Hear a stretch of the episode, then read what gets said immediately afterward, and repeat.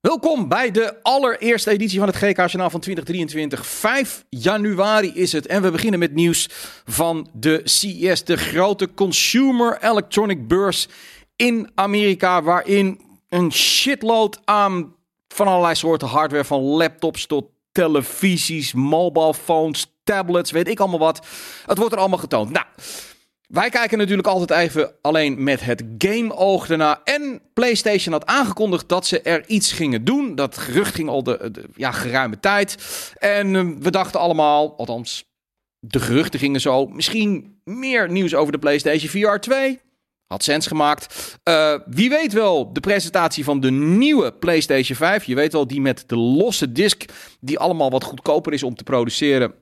Waardoor, je, uh, waardoor Sony makkelijker meer PlayStation op de markt kan brengen. En er ook nog wat meer aan gaat overhouden. Maar nee, die hebben we allemaal niet gezien. Wat we wel hebben gezien is Project Leonardo, dames en heren. Project Leonardo. En wat is nu Project Leonardo? Je ziet hier Jim Ryan, daar is die. Um, die had wat tijd vrijgemaakt om. Um, uh, van het gevecht tegen uh, Microsoft en de aankoop van Activision Blizzard. Om deze controller uh, die gemaakt is voor uh, ja, mensen met een beperking. Ik zocht even naar het goede woord. Mensen met een beperking. En heel vet dat dit er ook voor de PlayStation fans nu uh, gaat zijn. Microsoft had al zo'n adaptive controller, heet dat volgens mij in het Engels.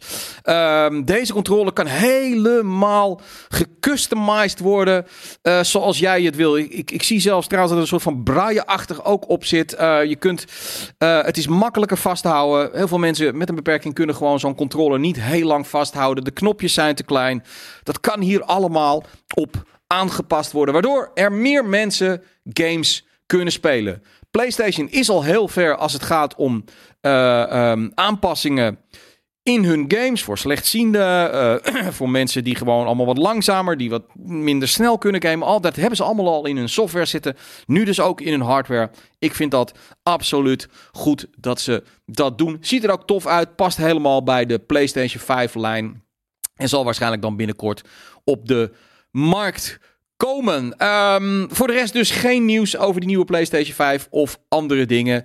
Uh, maar goed, dat was ook allemaal een beetje speculaas van tevoren. Ik ben hier hartstikke blij mee. Um, nieuws is er ook rondom Starfield. De game van Bethesda die eigenlijk misschien wel een van de eerste echte grote AAA blockbusters moet zijn die exclusief op de Xbox te verkrijgen is. Je weet het, het hele verhaal. Game Pass is fantastisch. Microsoft doet pushlief. Maar hun games, waar zijn hun games? Je kunt nog al die andere dingen goed voor elkaar hebben. Je wilt toch dat er ook exclusieve games zijn die jij kunt spelen. Waarvoor je zoiets hebt van daarom moet ik een Xbox hebben. Daarom moet ik Game Pass hebben. Nou, Starfield, die moet een van de eerste games worden. Maar gaat ze dat ook lukken? Nou, Bethesda heeft opnieuw laten weten. Uh, en dat hebben ze gedaan doordat er nu een support site is. Dat is eigenlijk een soort website waarbij je allerlei uh, de info kunt krijgen over Starfield. Zodat je, ja, dat je een beetje warm wordt. Zodat je een beetje in die hype terechtkomt. En daar staat nogmaals duidelijk in.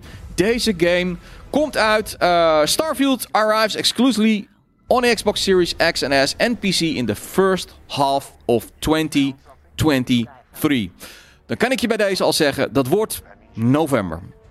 Heel misschien eind oktober, maar ik denk november. November is gewoon de maand waarin je jouw najaars blockbuster, jouw feestdagen blockbuster in de markt legt. Klein beetje ander nieuws wat ik nog heb gehoord over Starfield. Uh, er zijn mensen die mogen deze game al spelen en testen. Dat is meestal in-house of mensen die gewoon ingehuurd zijn. En uh, nou mogen die in principe natuurlijk helemaal niks zeggen. Maar er zijn nu toch wel geluiden naar buiten gekomen. Dat ze zeiden van... Uh, de ambitie die Bethesda met deze game heeft... Die maken ze toch wel aardig waar. Ik weet het niet of ik hier waarde aan hecht.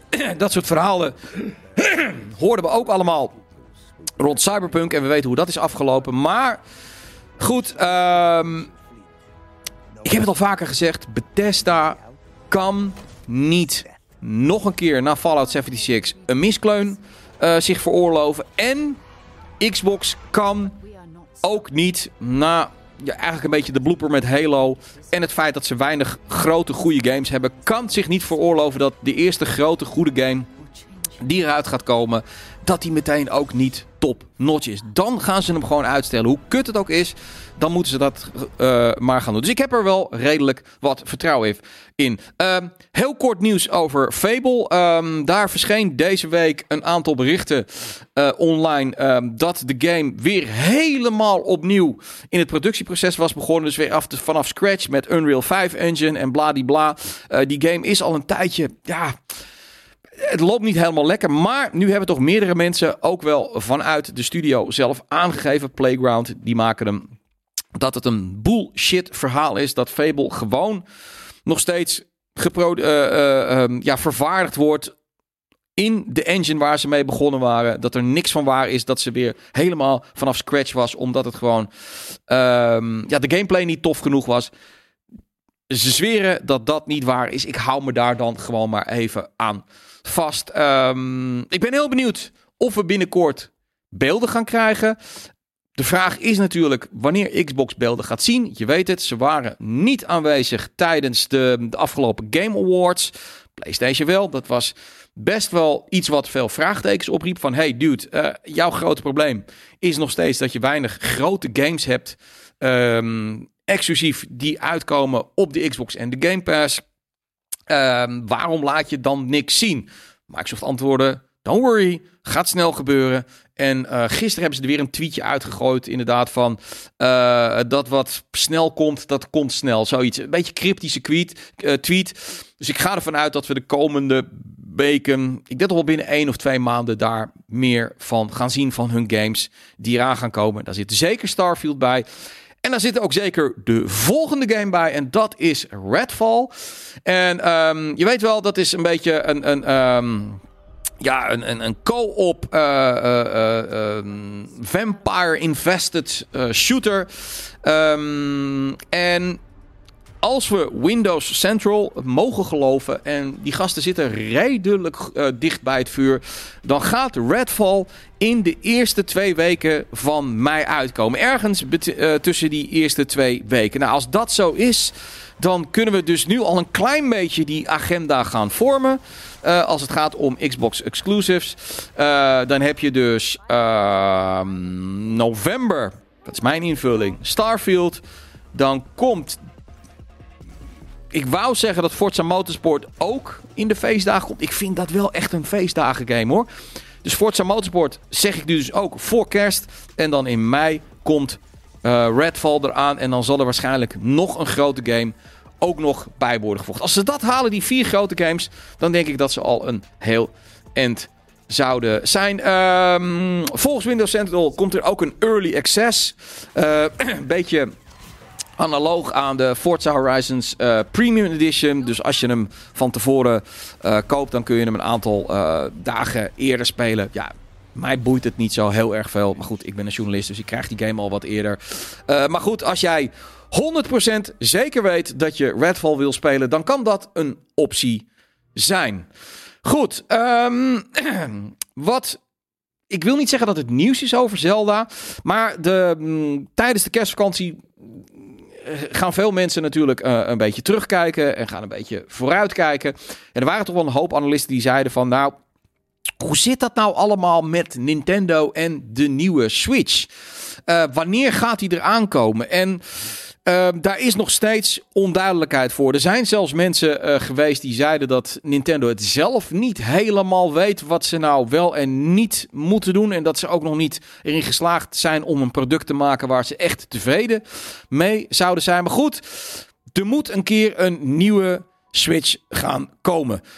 en nu was er deze week uh, weer een aantal mensen die aangaven ehm, dat de game die je nu ziet, de nieuwe Zelda, uh, Tears of uh, Kingdoms, uh, dat dat de laatste grote game voor de Switch, de huidige Switch zal gaan zijn. En die moet dus ergens in 2023 gaan uitkomen. Dat moet nu wel, de game is al een keer uitgesteld, dat moet nu echt gaan gebeuren. Dat dat dus de laatste grote blockbuster is voor de Switch. Kijk, Pikmin komt nog uit, allerlei andere dingen. Maar het gaat erom. Uh, Nintendo heeft een aantal van die franchises. Een nieuwe Mario, uh, Mario Kart of, of uh, Super Mario Bros. Dat zijn games die gewoon 10 miljoen plus verkopen. En dat, ehm, ja, die, meestal gebruiken ze dat ook om bijvoorbeeld nieuwe hardware te lanceren.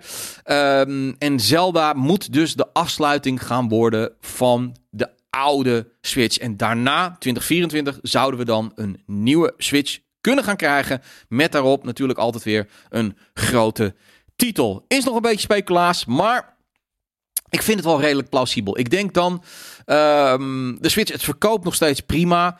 Maar ik denk nog steeds dat je prima die oude Switch kunt blijven verkopen. Misschien met een kleine prijsverlaging aan de casual gamer. Uh, ouders die hem aan hun kinderen willen geven. En dat je voor de die-hard fans alvast een nieuwe Switch in de markt kan leggen. Voor de nieuwe games. En dan kun je beide blijven doorverkopen. Goed.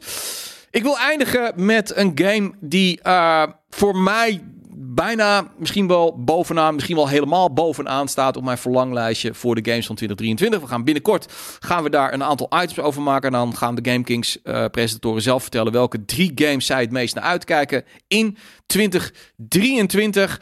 Um, en bij mij is dat de game Stalker 2 Chernobyl. Um, ja, het is nog steeds de vraag of die gaat uitkomen in 2023. Ze zeggen 100% zeker dat dat wel gaat gebeuren. Althans, dat zegt GSC, de, um, de, de uitgever en maker daarvan. Ik vind het een lastig verhaal. Onlangs kwam helaas weer het bericht dat een van de ja, toch wel belangrijke developers dus uh, op het slagveld in Oekraïne is gestorven. Uh, er vechten er meerdere mee uh, daar. Ja, dat helpt niet echt bij het afmaken van een game. Maar goed, G, GS, GSW blijft volhouden dat 2023 Stalker 2 Chernobyl uitkomt. En om dat te ondersteunen, om die bewering een beetje kracht bij te zetten, kwamen ze met een nieuwe trailer. En daarmee wil ik um, deze uh, aflevering van het GK-kanaal afsluiten. hij is al een paar dagen oud, maar ik vind hem ten eerste gewoon hartstikke vet. En um, het is ook een beetje een steun in de rug voor een developer die het gewoon ontzettend lastig heeft um, op dit moment. Niet alleen omdat games maken lastig is, maar ook nog eens een keer dat ze in een land zitten wat gewoon in oorlog is. Dus ik zou zeggen, geniet van de trailer van Stalker 2 Chernobyl.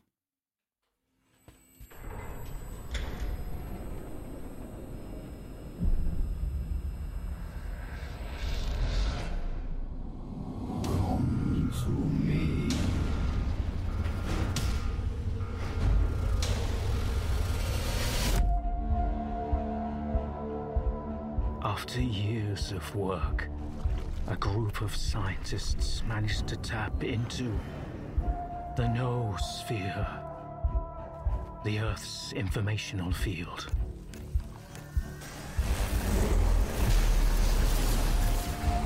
An achievement comparable at best to the conquest of space.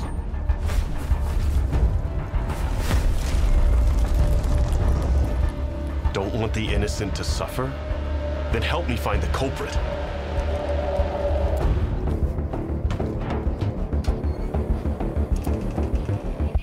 And who the fuck are you? And what do we have a decade later?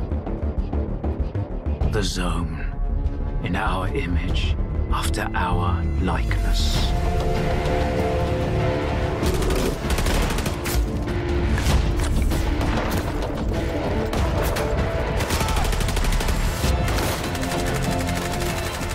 My men are still lying out there, and I can't even bury them.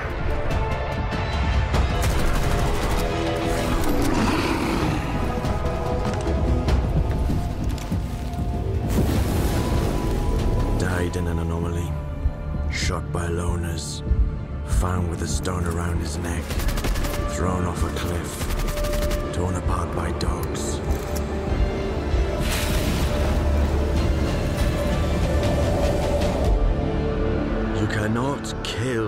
God.